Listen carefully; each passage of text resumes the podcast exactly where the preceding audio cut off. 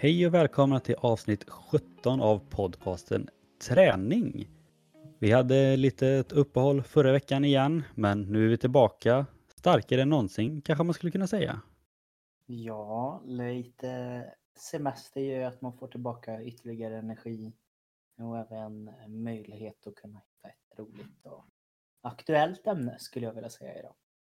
Ja, verkligen.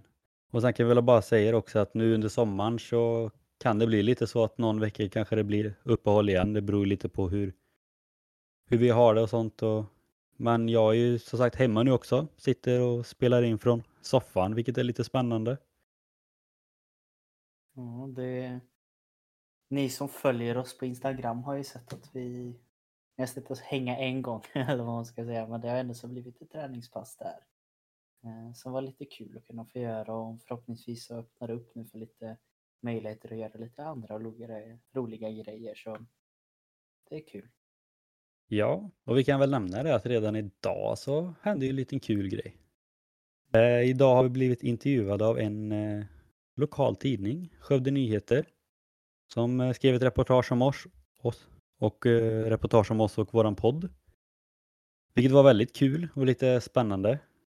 Eh, och även på fredag så kommer nästa del, eller nästa del, nästa intervju ske. Så man känner sig nästan lite som en kändis helt plötsligt när intervjuer hit och dit. Ja, men nästan lite så. Nej, men och att ha bort från skämtandet. Jag tycker det är väldigt roligt att vi fick faktiskt möjligheten utav de här reportrarna nu då att få öppna upp ögonen för nytt folk eller hur man ska uttrycka det. Eh, det är ju som sagt självklart jätteroligt med er som lyssnar och allting sånt men vi vill ju ändå, så målet med podden är ju att nå ut till så många som möjligt och även liksom kunna få in nya syner eller jag vet inte riktigt hur man kan säga det bättre. Jo, men eh, lite så. Och det är det som ändå är lite så spännande med tanke på att idag var det Skövde Nyheter och på fredag då så blir det SLA som ändå är en tidning för hela Skaraborg. Så att, alltså för oss som egentligen inte har gjort någon form av marknadsföring mer än på våra egna sociala medier så blir det här ett rätt stort steg för oss. Skulle man väl vilja säga. Vi kommer ju helt plötsligt ut från våran egna lilla bubbla ut till hela Skaraborg. Så att det ska bli väldigt spännande att se um, vad som händer. Ja, och skulle det vara så att vi har några, vi kan ju faktiskt ha några nyare lyssnare med oss detta avsnittet. Tänker jag. Så jag kan passa på att min röst är Sebastian som pratar nu här då. Och jag är Henrik. Jajamän. Men idag då Henrik så ska vi prata om eh, psykisk hälsa. Annat kan man väl säga rörande just den här pandemin om du har missat att vi är en sån. eh, Ja. det, det, på ett sätt känns det tråkigt nog, det, det tar emot att säga detta, men man tänker inte riktigt på det längre. Eller är det bara jag? Jag känner att jag har hamnat i det här liksom tråkiga bubblan att ha den här konserten som du och jag skulle på, den kommer aldrig bli av. Det är mitt mindset. Det är, det är kört nu. Det, jag får sitta inne här nu i lägenheten. Och men det var lite det jag tänkte säga också så här, när du sa att man har typ glömt bort att det är så här. Det är inte så att man har glömt bort det och att man skiter i allting utan jag håller med dig snarare så att man har, man har glömt bort hur det var, hur det var innan. Det är bara nu när man har kollat på fotbolls-EM som har varit och så här, vissa arenor, jag tror det var typ Ungern som tog in 60 000 på sin arena. Man har typ glömt hur det ens, att det ens finns publik liksom. Det... Ja men lite så. Och kanske nu mer än ännu. Jag, jag har ju liksom nu med lite annat jobb och sånt så går jag ju runt med både mask och visir eh, hela dagarna. Så där påminns jag ju en extra gång om att det är kvar. Ja jag är bara ute mitt ute på landet och jag träffar inga personer så för mig är det precis som vanligt. Ehm, men om vi går in lite på det här just eh, med pandemin och Sverige har väl varit ganska unik där med våra regler eller vad ska man säga eh, önskningar om hur det ska liksom hanteras och så. De har väl även försökt ta lite i beräkning just andra faktorer, kanske inte enbart just den här smittan. I och med att vi har försökt att hålla lite mer öppet och öppnat upp till att göra lite grejer. Så de har ju haft en liten baktanke kan jag nog tänka mig när de har ja, men så som vi har levt här. Ja, Men nu har ju vaccineringen påbörjats och allting så att förhoppningsvis så öppnar det upp mer och mer. Om vi går in lite just på dagens ämne och ska man sätta någon rubrik i det så är det väl egentligen psykisk, eh, psykisk hälsa i pandemin. Hur känner du själv personligen? Har du påverkats av pandemin just med din psykiska hälsa? Jag tror man har påverkats mer än vad man tror.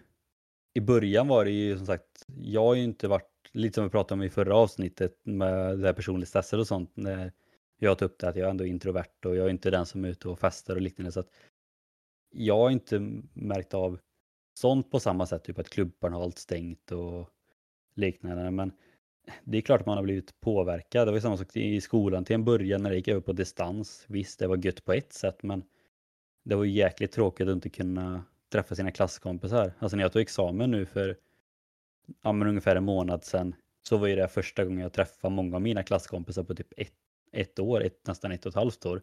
Vilket på ett sätt är helt sinnessjukt.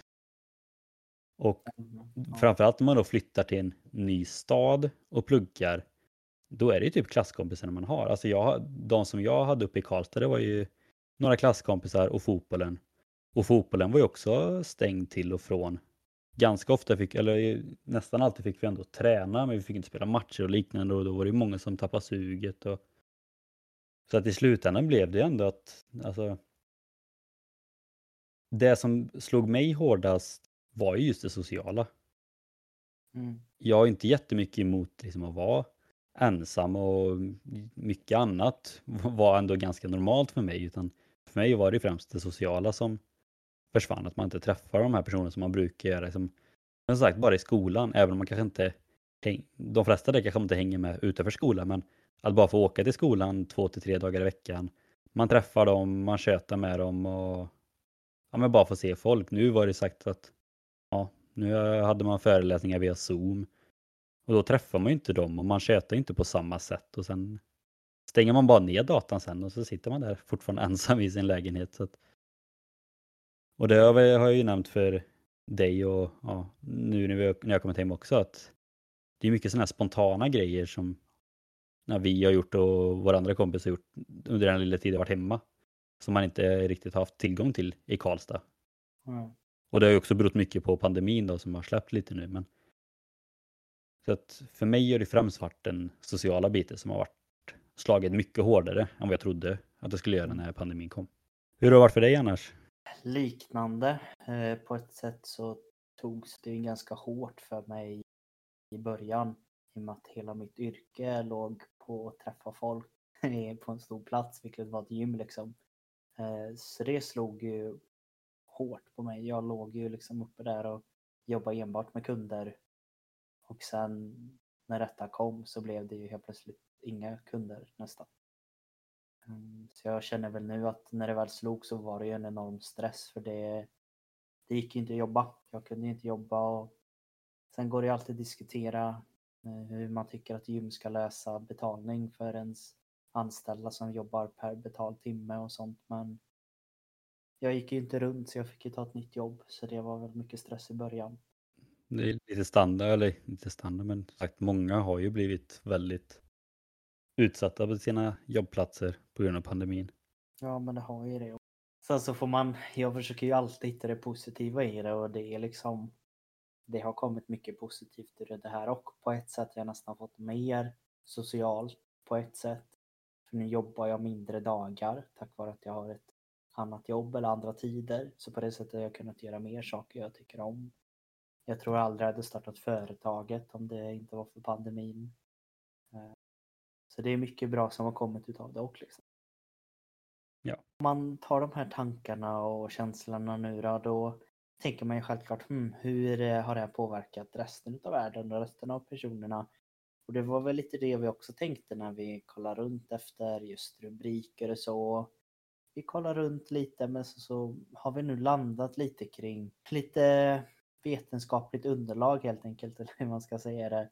Och vi har ändå så tagit det från en ganska känd källa skulle jag säga. Det är många som vet vilka det är och det är Folk och Folkhälsomyndigheten som har gjort liksom en sammanställning över psykisk hälsa i, i världen och liksom även tagit olika studier och forskningar, gjort nästan en metaanalys skulle jag vilja säga att det är. Ja, och vi kan väl säga att alltså vi egentligen ända sedan vi började med podden så har vi pratat om att göra ett avsnitt om just hälsa under pandemin och allt sånt där och nu, nu var det dags. Ja. Fördelen med, den här, med det här är också sagt att de har gjort en sammanställning av väldigt många olika, eller jag tror det var tio olika studier. Vilket innebär att de har egentligen gjort halva jobbet för oss. Ja, men lite så. Det är väl bara mer att vi tänker att vi kan informera lite snabbt om det här och sen så vill vi även fråga lite er där på Instagram och så det blir ett liksom kompakt, eh, lite kortare avsnitt men ändå som en bra information det jag sagt. Ja, verkligen. Men vad är det de har kollat då, Henrik? Ja, de har kollat lite olika och de har ju de har väl egentligen läst de här studierna då och sen plockat fram olika med punkter kan eller olika vad ska man säga, olika delar. Ja, man Eh. skulle kunna säga att det är lite som olika rubriker. Att de har, Ja, liksom, exakt. de har kollat på psykisk ohälsa och sen så har de kollat på stress, välbefinnande, Ångest, negativa- depression, Ja, lite allmänt. ensamhet. Mm. För att egentligen, för att egentligen täcka så mycket av den psykiska hälsan som möjligt. Ja. Och det här har de gjort genom att kolla lite mer på just den internationella forskningen eh, runt om i världen helt enkelt. Så det är inte bara eh, svenska studier. Sen kan vi också säga att det här är väl också lite, vi kände lite det när vi läste också, för att majoriteten av de här studierna är gjorda mellan mars och maj under 2020, alltså precis i början av pandemin här i Europa, vilket kan, eh, kan ge en bra bild av eh, det psykiska hälsan, men kan också ge en ganska missvisande bild. Men vi kände fort ändå att det här var nog ändå den ja, stabilaste eller sagt, Folkhälsomyndigheten är ju en bra källa och de har sammanställt vad de tycker är värt att lyfta fram och då tycker vi också att men då tar vi detsamma. Och vi tror Ja. väl också att många studier eh, håller väl på just nu under tiden också och inte riktigt klara än så det är väl därför det inte finns jättemycket nytt heller. Och som sagt, de har ju tagit fram det de tycker är intressant och det här är ju inga Ja, alltså det här är ju inga forskare som forskar om var som helst utan det här är ju ändå svensk elit om man säger så. Ja, men det skulle jag verkligen säga. Det är ju verkligen svensk elit. Men eh, ska vi gå in på första delen då, eller psykiskt välbefinnande? Ja, men det tycker jag här. Och, eh, psykiskt välbefinnande eh, undersökte de, de eh, fyra olika studier, två befolkningsstudier. Eh, man kan väl säga att det var från Storbritannien och Tyskland och sen var det väl även Danmark som var med. Då har väl egentligen Folkhälsomyndigheten försökt göra en liten sammanställning i en, tabell, en tabellform Eh, under denna, eller hur ska man förklara det?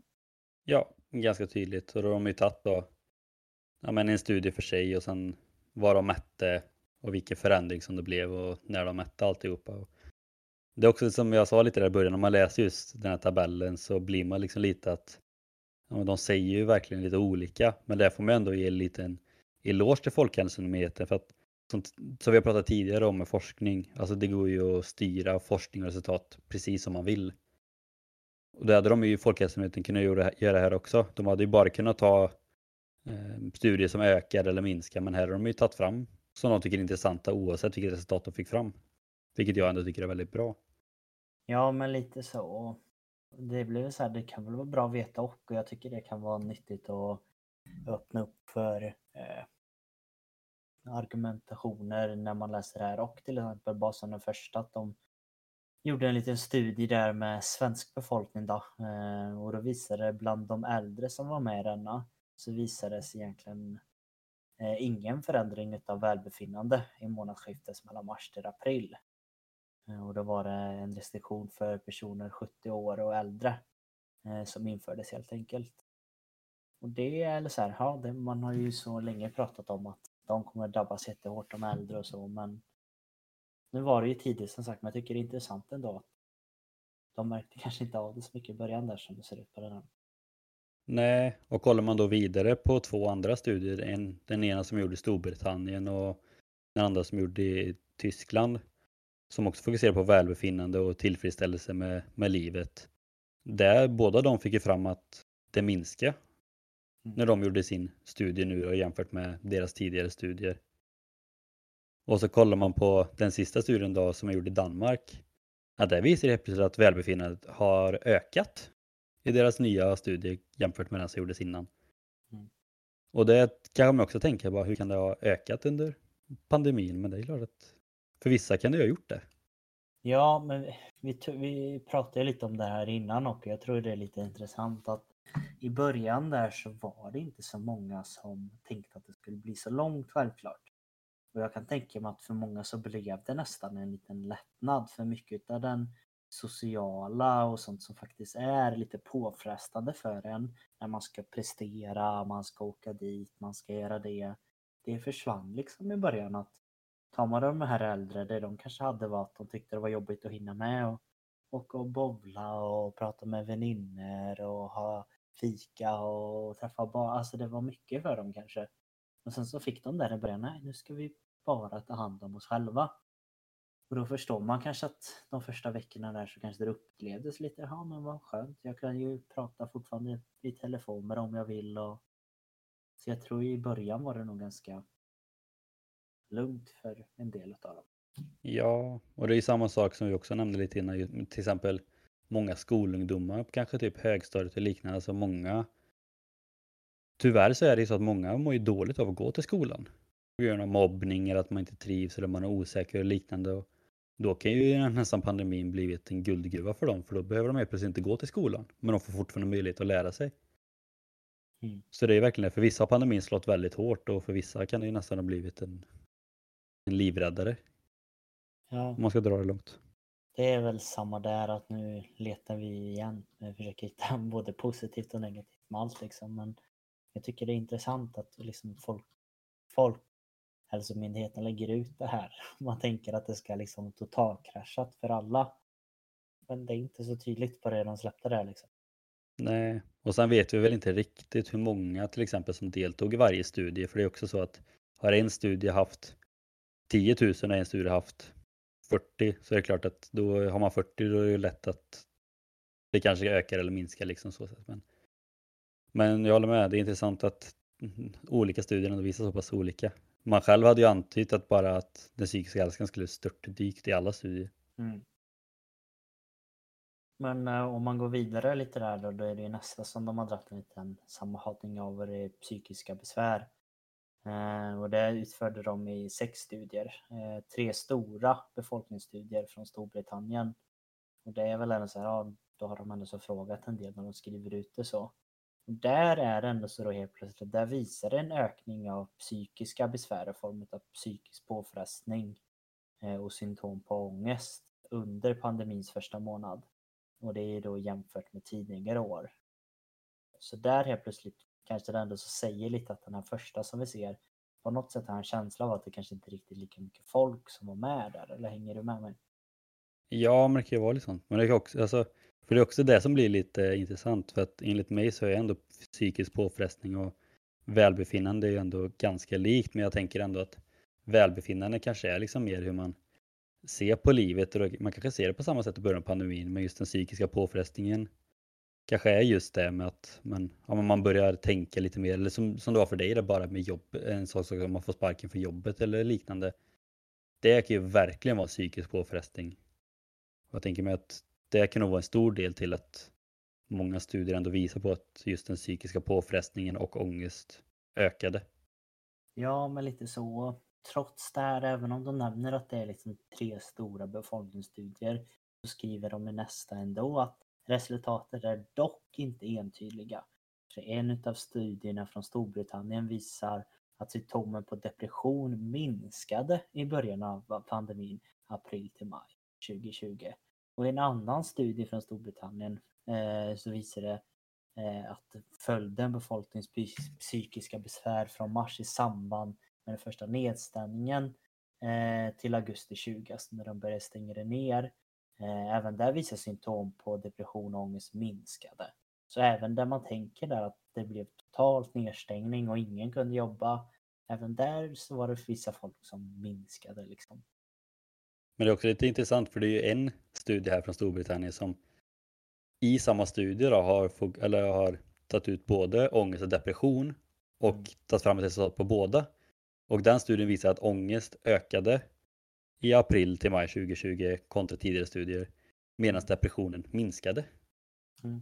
Och då är liksom det ändå samma studie och jag antar att det är samma urvalsgrupp och allting och det tycker jag också är ganska intressant att ångesten kan öka men depressionen minskar. Det känns som att de ändå borde höra ihop lite. Ja, det är ju det är, det är svårt alltså. Man förstår här att det känns man, man förstår att det är något stort som hänt eller förstår att det är liksom så folket känner sig oroliga. Eh, det känns lite som de inte riktigt vet heller vart de står. Mycket är liksom oklart. Har jag jobb? Har jag inte jobb? Och då kan man ju svara olika liksom, även om man mm. Eh, hamnar lite mitt emellan eller man ska lägga det liksom. Sen var det lite som du sa där innan också att alltså man trodde ju, eller man ska säga att man trodde, men en del trodde ju, och jag var en av dem som trodde att amen, det här kommer ju, alltså det kommer att vara under sommaren, sen under hösten kommer det väl släppa lite.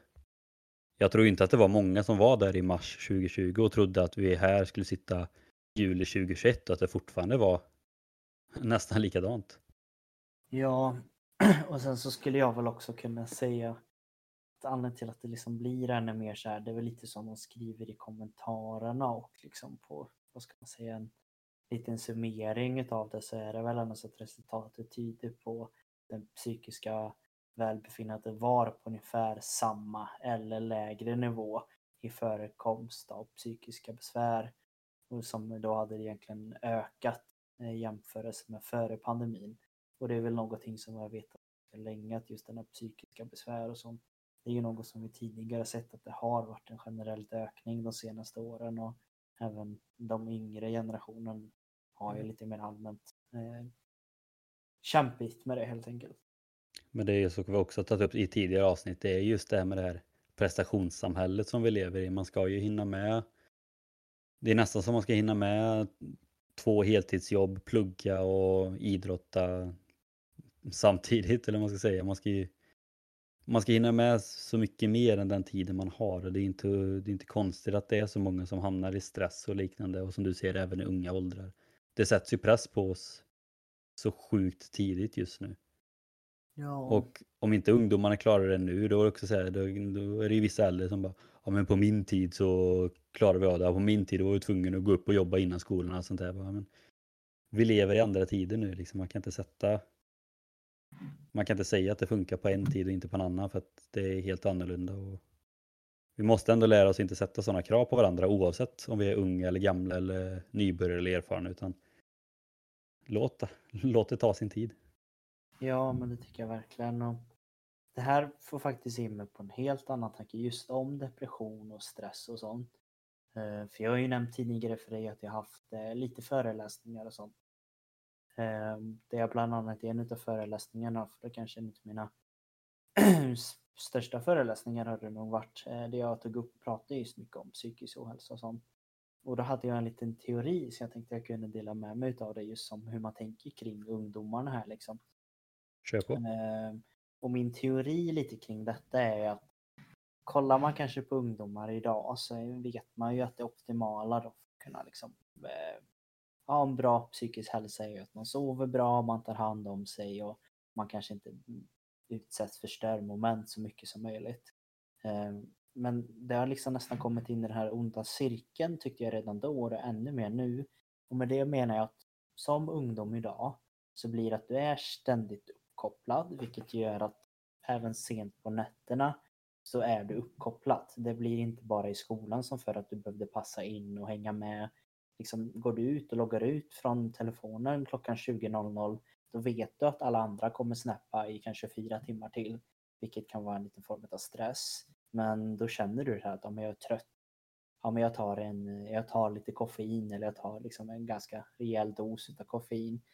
Och redan där då blir att du liksom eh, kommer att störa eh, sömnen med koffeinet så tätt på. Eh, du lever på som vanligt, du börjar på morgonen, du har sovit dåligt. Vad tar du? Jo, du tar en ytterligare mer koffein för att komma in, du fortsätter. Eh, vilket gör att du kommer in i den här lilla rotationen med att du behöver koffein och du tar koffein vilket ständigt slår ut varandra hela tiden och även om folk har sagt tidningar att de dricker mycket kaffe så kan jag tänka mig fortfarande idag att det är många av de ungdomarna eh, som inte riktigt heller har förståelsen av ah, vad är koffein utan det är egentligen bara coolt. De har hört att de ska bli friska av det. Kan trycka i sig fyra, fem Noccos, Red Bulls eller vad det är per dag. Och det är liksom en sån är ju nästan tre koppar kaffe. Men då har de liksom kommit in i den här rotationen att de sover dåligt på grund utav koffeinet och sen tar de koffein för att kunna vara vakna men då sover de dåligt och sen så, sen så rullar det bara på som all annan stress. Det blir en ond cirkel. Ja, men lite så. Tillsammans med det här trycket att det blir då, i och med att alla gör det här, så blir det att du håller uppe dig senare och senare på kvällarna. Du måste prestera mer och mer och mer. Ehm, och jag tycker, vet att när jag satt och kom fram med det här och pratade lite om det just med de jag föreläste, att det blev väldigt intressant för det var ju många av dem som kände igen sig att egentligen är det inte så mycket roligt som händer på natten. Eh, men alla är ju vakna så du måste vara vaken. Ja. jag är ju också en sån här nattuggla, men det är, det är bara för att det har blivit så. Det... Jag tror ju att det finns ju också anledning för man vet ju att det är folk som ska vara mer nattugglor. Men jag tror det är mycket mer folk som tvingas till att vara nattugglor. Eller förstår Jo men så är det ju, verkligen.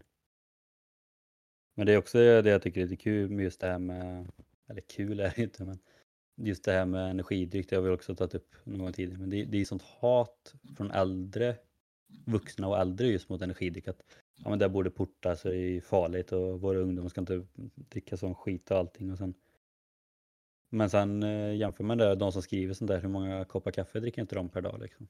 Mm. Det... För att orka hålla sig vakna. Ja men exakt. Orka ta sig upp. Och...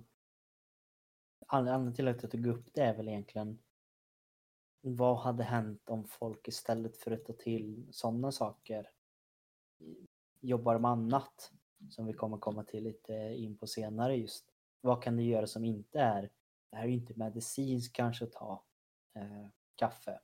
Men det är ändå så här att man har liksom kommit in i det samhället istället för att göra en livsförändring så vill man ta något som går snabbt och ska hjälpa dig.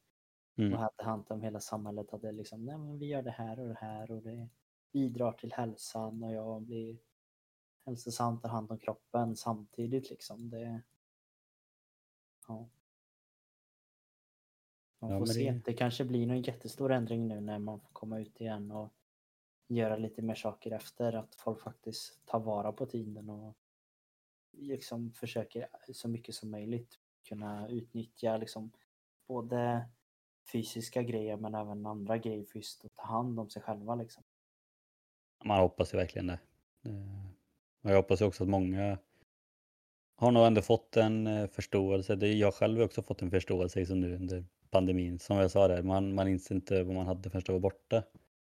Man inser ju hur mycket saker man saknar. Ja men just det med typ för mig i fotbollen, alla matcher ställdes in och var skittråkigt. Eller bara i början när man inte gick till gymmet för att det kändes inte rätt. Och... Ja men sagt, det, det är väldigt mycket som har försvunnit som man ändå ser så mycket fram emot. Mm. Men ska vi gå in på den sista delen här? Det kan vi göra. Upplevd ensamhet och eh, ja, det var, den var lite mindre för här var det bara två studier som de fick fram. Det var ju en från Sverige och en från USA. Och då var det så att de som jämförde hur, ja, men hur de här personerna, om de känner sig mer, mer eller mindre ensamma under början av pandemin. Och till min stora förvåning var ju att båda de här studierna visar på att det inte var någon förändring. Men enligt mig då så antar jag att det är på grund av att det ligger lite i att det var precis i början av pandemin och att många kanske inte hade börjat känna av det. Jag själv var ju också sån i början av pandemin, då var det nästan bara lite skönt att få lite ensamtid. Men... Det är ju väldigt bra att de har gjort de här. Det finns ju en anledning till att de har gjort dem i början för de vill kunna jämföra med det efteråt. Det är ju lite det vi kollar på. Vi kollar egentligen även här kanske halvvägs på för jag kan tänka att det är inte många som har kanske tänkt att ah, det ska vara jättestor skillnad. Eh, lite är det väl, men det är viktigt att de här har gjorts för att sedan kunna se hur det ser ut när allting förhoppningsvis är slut. Eh, hur mådde folk då? Eller man får kanske skatta sig själv under. Blev det sämre och sämre? Eller planar ut efter ett tag och ja, det är, det är väl samma där. Vi får väl nöja oss med att det var i början och det är väl det som vi tror är förklaringen för det. För att jag som sagt från egen erfarenhet så mars, april 2020 kontra mars, april 2021 så var ju jag känner mig mycket mer ensam i mars, april 2021 mm. än under 2020. Jo men verkligen. Men då har man ju också gått nästan ett år utan att träffa så mycket folk. Så att... Ja, det, det är väl så. Sen så är det självklart även här att alla kanske inte känner igen sig. Så ett, antingen är att du har liksom ändå haft möjligheten, haft en du kanske har bott på ett bra sätt och träffat mycket folk utomhus eller så du har varit en av dem som inte har skött restriktionerna och Nej, haft de här influencerpartyna och allt som man har sett. Men ja, det får du fy skäms på dig. Vad är det man brukar säga? Det är lättare att be om förlåtelse än att be om lov. Ja, kanske det. Eller det är lättare att säga förlåt än att be om lov. Ja, jag tycker inte man ska följa den i en pandemin. Nej, så är, inte. är det sån som tänker så, skriv till oss så hjälper vi dig att stanna hemma. Om du inte har vaccinerat dig nu då. Men du hade också en liten till text va? Ja, en, eh, en studie från Uppsala universitet som också gjordes under 2020. Eh, den gjordes på 1500 personer i åldern 18 till 88. Och det var också om just psykisk ohälsa under pandemin. Eh, och den visar att 30 procent av deltagarna led av depression jämfört med 10,8 procent som i en jämförbar studie från 2013. 24 procent hade ångest. Tidigare så låg den siffran på 14,7 procent. Och även 38 procent hade svårt att sova. Och där fanns det inga jämförbara siffror i den tidigare studien som de använde. Men det är just den att 30 procent av de här deltagarna då led depression, alltså 30 procent av 1500. Liksom det, och liksom, tar man det på hela svenska befolkningen, alltså det, är liksom, det är en tredjedel av svenska befolkningen som i så fall lider av depression. Jämfört med en tiondel från 2013. Det, ja, det är sjukt. Ja, det är väl även som de sa där att det är förvånansvärt eftersom Sverige har inte haft de här lika hårda restriktionerna. Och det om något kanske liksom tycker jag väcker upp till en verklig diskussion. Hur, hur skulle siffrorna se ut om de gjorde det här på Italien liksom? Eller någon annan av länderna som totalt stängde ner liksom? Ja, men verkligen. Nej, så att det... Som sagt, det beror ju helt på vilka man har tagit med i studien och allting. Men som sagt, det, ja, det är sjuka siffror. Det är väldigt tråkigt att läsa och man hoppas ju verkligen att de går ner så fort pandemin släpper så att liksom, det inte är något som håller i sig. För då, då har vi ju stora problem. Ja, men så. Och något som jag tycker är så värt att nämna i den här studien är att eh, det är vissa begränsningar. Det är att 73 procent av deltagarna Eh, var kvinnor. Och de flesta var mellan 18 till 40 år. Och det vet vi mm. sedan tidigare rent procentuellt att där är det eh, kvinnor som faktiskt, eh, vad ska man säga, eh, får, jag vet inte hur jag ska säga det, men äh, blir sjukskrivna och sånt mycket just för utbrändhet och depression. Ja, och alltså i många fall så är väl män lika utbrända och liknande, men det är ju som sagt den här normen med att män ska visa sig starka och klara sig ändå. Så att även om man mår dåligt och är sjukt stressad så är man fortfarande på. Mm. Så det, där önskar man väl ändå att männen var lite mer som kvinnorna, att våga ta tag i problemen på riktigt. Ja, men lite så faktiskt. Ja.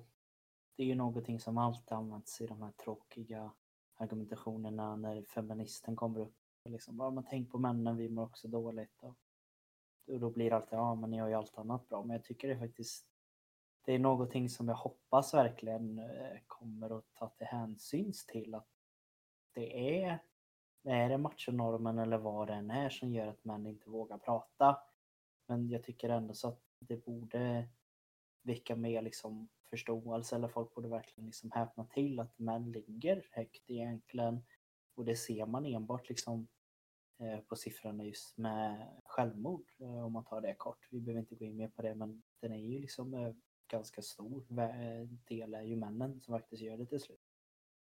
Ja, så, men det kan man ju bara se till alla oavsett om ni är män, kvinnor, unga, gamla.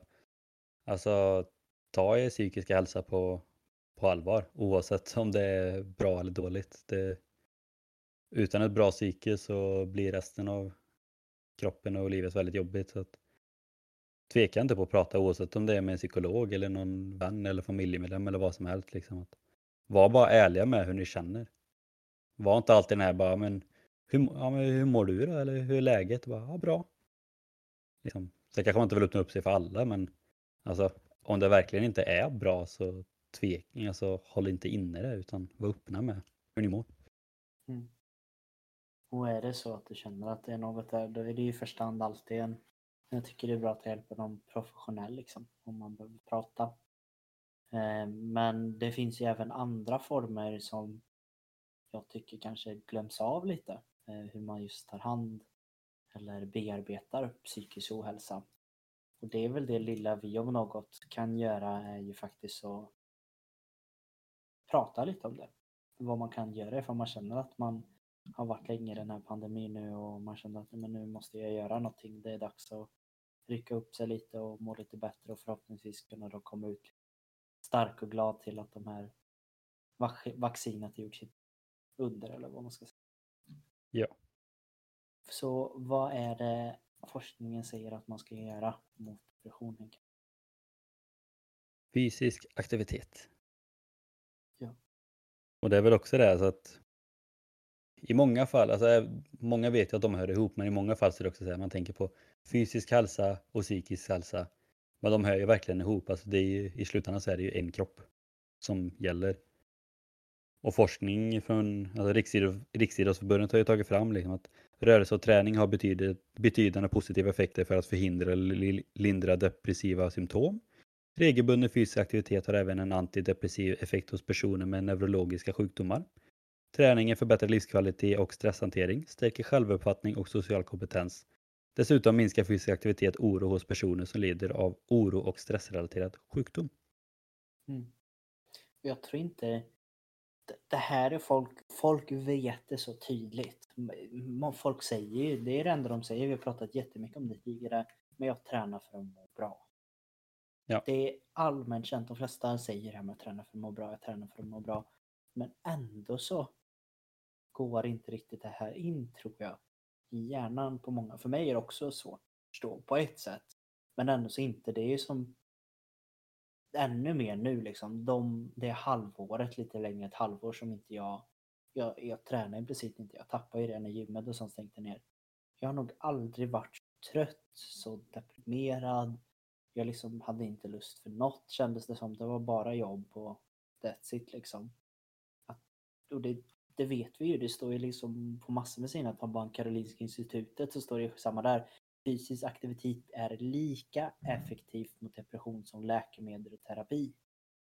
Det är lika effektivt plus att det får massor med andra fys eller fysiska och psykiska hälsosamma effekter.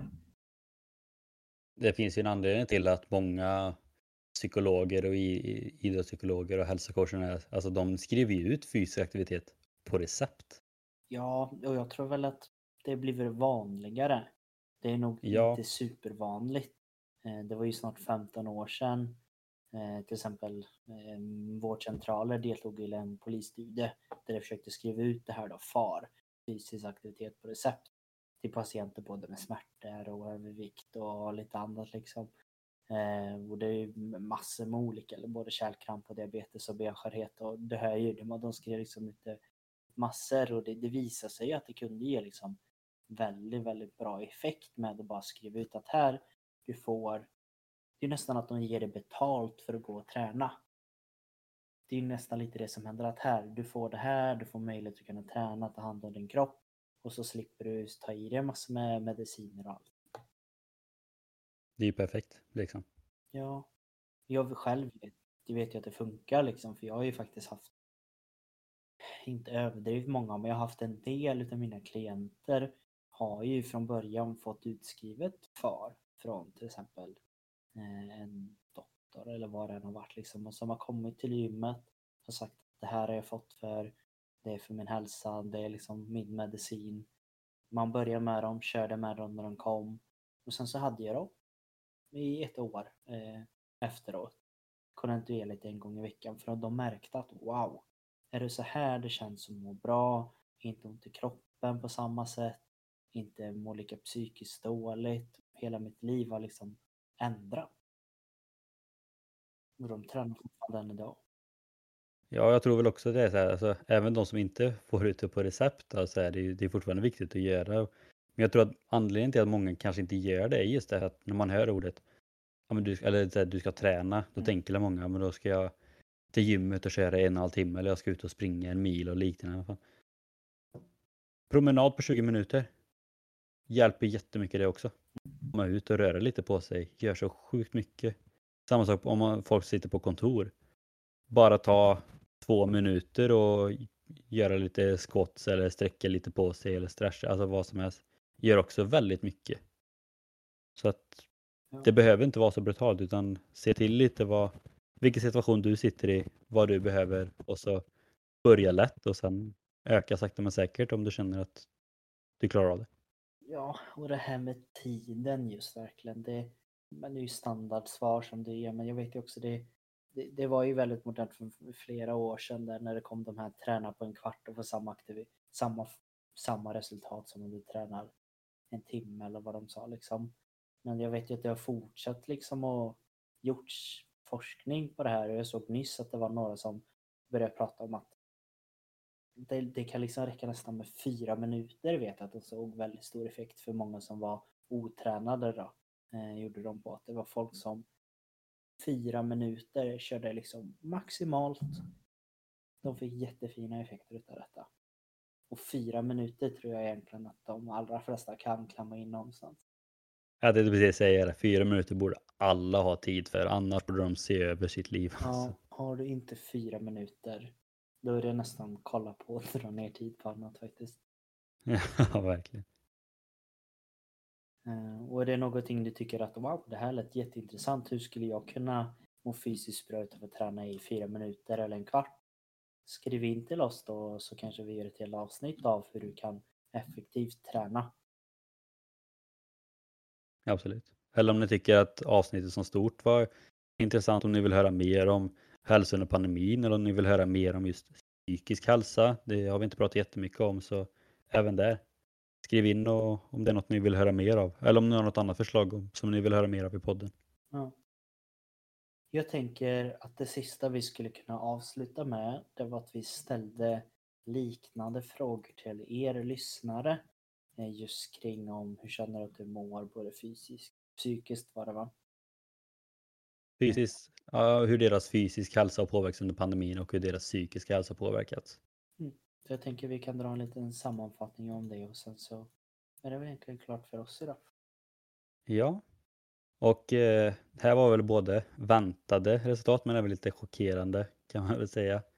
På den fysiska hälsan så var det 55% som svarade som ansåg att deras fysiska hälsa hade blivit sämre. Och 45 då ansåg att den hade blivit bättre eller likadan då. Och det är väl inte jättekonstigt. Alltså, som sagt, vissa har haft svårt att träna under pandemin. Vissa har haft mer tid att träna under pandemin. Så att det känns ändå ganska fair att den ligger på hyfsat 50-50. Mm, ja. Medan på psykiska hälsan så var det ganska överlägset. 82 procent sista gången jag kollade låg på att den psykiska hälsan har blivit sämre under pandemin. Och då 18 procent ansåg att den var på samma eller blivit bättre. Men sagt 82 procent, om vi kopplar just till det här, vårt avsnitt idag, så är det 82 procent av våra lyssnare som ansåg att den har blivit sämre. Ja, jämför man det med de orden som vi har slängt runt tidigare så har det liksom varit tidigare ingen minskning, lite minskning eller minskar. 82 procent är ju en stor minskning eller, eller stor ökning liksom. Eller en stor, det är inga, det är inga, små grejer vi pratar om på 80 procent. Nej, och sen kan jag väl säga också att vi har inte, det är inte jättemånga som klickat i och, och det är inte jättemånga som följer men så här, jag vet inte exakt hur många som svarar men ändå om 82 procent då är det ändå ja, 8 av 10 som har klickat i att det har minskat och det är ju, det är ju mycket liksom. Mm. Så ta hand om er där ute. Ja, men ta hand om er där ute och försök att ge er, ge er tid till er själva nu när du öppnar upp lite och att du behöver inte slängas tillbaka i det här stresset och göra och prestera grejer utan ha kvar det här lugna skulle jag ens vilja trycka på. När men liksom verkligen. Pandemin, att du har gått ner några nivåer, några växlar. Du kanske inte behöver växla upp och varva upp motorn liksom till ett högsta varvtal med en gång utan successivt stega upp och ta en liksom riktig funderare på att mm, behöver jag ha samma krav och press? Ja, vissa saker kommer du behöva ha det, att det kan vara nyttigt för dig om du vill göra en karriär eller om det är något du brinner jättemycket för. Ja. Men de andra sakerna behöver du verkligen vara så engagerad eller sätta så mycket press på allt. Nej, det behöver du antagligen inte. Så försök att ta det lite lugnt. Ta det steg för steg. Mm. Bra. Med de orden så tackar vi väl egentligen för oss. Eh, och jag hoppas om det är nu några nya lyssnare som har kommit in här så hoppas att ni tyckte det är bra. Jag skulle väl även säga och rekommendera att lyssna på de andra avsnitten. Eh, mycket är ju faktiskt att bara kolla på eh, vad ska man säga, rubriken och hitta det man tycker verkar intressant.